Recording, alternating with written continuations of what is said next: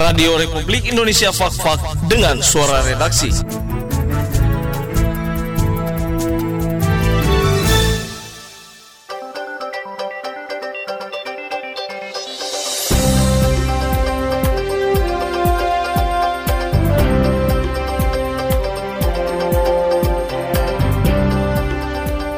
Saya, Budi Rasidi, akan mengetengahkan peristiwa aktual dalam sepekan silam, Minggu 14 Maret 2021 di antaranya, peran pemuda dalam pembangunan kota Fakfak, proses digitalisasi sertifikat tanah oleh Badan Pertanahan Nasional, progres vaksinasi COVID-19 di Fakfak, dan pengembangan objek wisata di Kampung Tetar.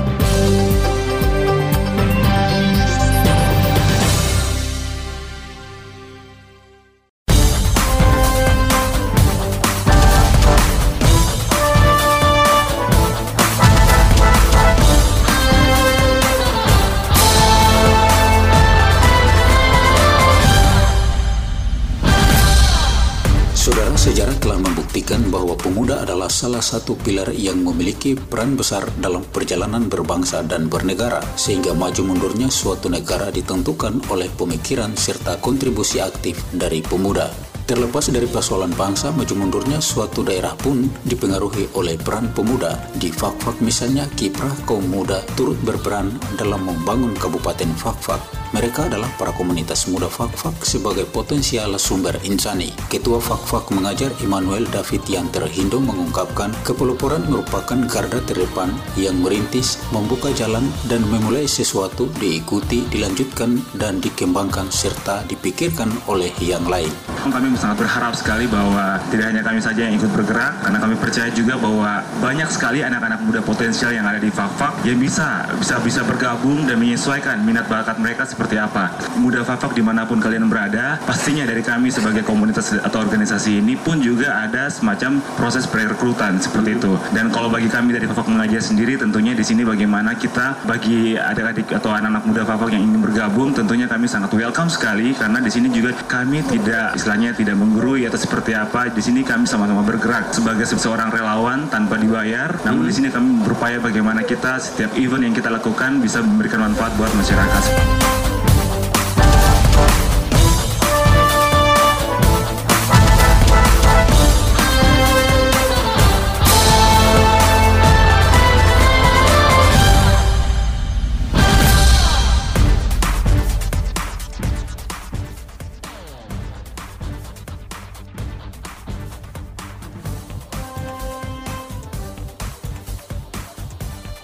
Proses digitalisasi sertifikat tanah sesuai amanah Peraturan Menteri Agraria dan Tata Ruang Badan Pertanahan Nasional RI Nomor 1 Tahun 2021 tentang sertifikat elektronik akan dilakukan secara bertahap. Peralihan ini lebih dulu akan diterapkan oleh kantor-kantor pertanahan yang sudah benar-benar siap, khususnya kesiapan mengintegrasikan seluruh data tanah ke dalam aplikasi Induk BPN. Kepala Kantor Pertanahan Kabupaten Fakfak Magdalena Kipu mengatakan untuk kesiapan sertifikat tanah elektronik di Kantor Badan Pertanahan Kabupaten Fakfak pada prinsipnya siap untuk menerapkan program tersebut namun proses pengalihan sertifikat dari lembaran kertas menuju sertifikat elektronik melalui sejumlah tahapan mulai dari data pendaftaran tanah hingga surat ukur dan warka tanah sudah dalam bentuk scan dan terupload di dalam aplikasi perkomputeran pertanahan Indonesia. Untuk kesiapan sertifikat elektronik di kantor pertanahan Kabupaten Fakfak, pada prinsipnya kami siap saja. Tetapi sertifikat elektronik ini yang diatur dalam Peraturan Menteri Agraria dan Tata Ruang Badan Pertanahan Nasional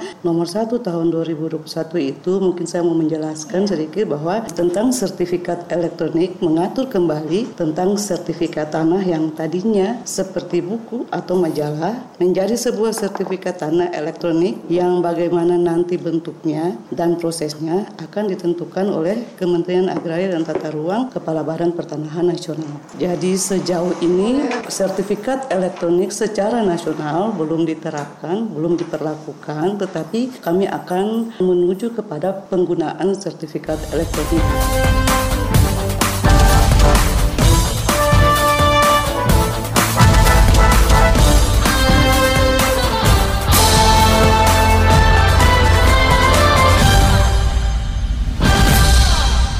Sosialisasikan dulu. Kami masyarakat tetap terima yeah. saja, tetapi Betul. harus cara dulu baik-baik di bawah yeah. untuk masyarakat karena yeah. masyarakat banyak ini punya Pelaksanaan vaksinasi tahap pertama di Fakfak yang diperuntukkan bagi tenaga kesehatan telah mencapai 100% dari target mulai dari penyuntikan pertama hingga kedua.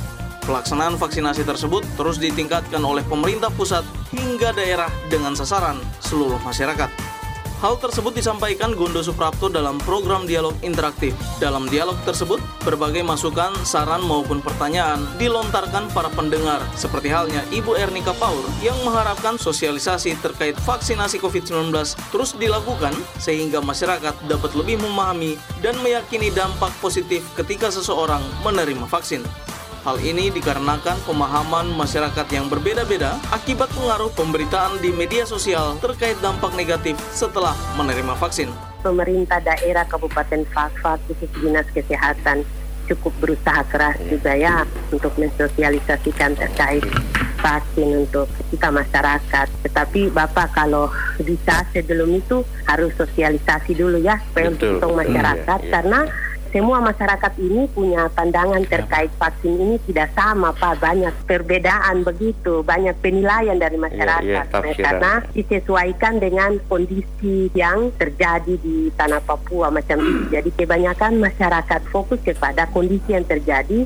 Begitu dengan masuk konsumsi vaksin ada yang sudah berasumsi macam-macam terkait vaksin. Jadi kalau bisa Bapak dorang sosialisasikan dulu. Kami masyarakat tetap terima yeah, saja tetapi betul. harus cara dulu baik-baik di bawah yeah. untuk masyarakat karena yeah. masyarakat banyak ini punya penilaian terhadap vaksin itu tidak sama.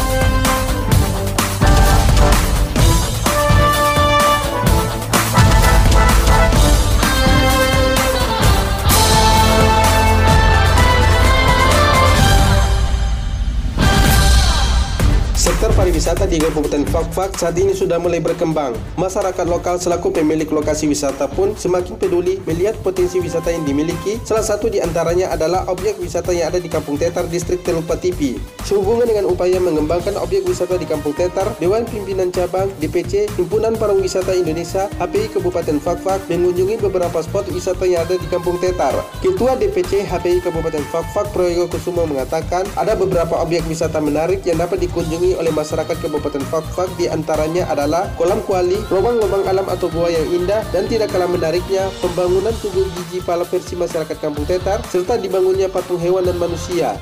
Kolam kuali ini adalah salah satu objek yang pada dasarnya mempunyai daya tarik tersendiri. Dikarenakan kondisi kemiringan dari sungai sendiri itu cukup tidak terlalu terjal. Artinya aktivitas yang kita lakukan di pinggiran sungai juga tidak begitu membahayakan. Didukung oleh hutan yang masih rapat di sana belum lagi kolam-kolam yang memang sudah sangat cocok untuk kita jadikan tempat-tempat santai di sana. Di sisi lain juga uh, Tetar juga punya lubang-lubang alam atau goa. Itu memang punya sejarah yang cukup panjang. Apabila kita tarik ulur ke apa wisata budaya, mungkin bisa ditelusuri lebih detail lagi. Nah, Datar juga dalam beberapa waktu kemarin sampai dengan saat ini mereka lagi buat satu tugu. Tugu ini secara histori itu menceritakan asal mula biji pala versi masyarakat Sekian surah redaksi edisi kali ini. Atas nama seluruh kru yang bertugas, mengucapkan terima kasih dan sampai jumpa.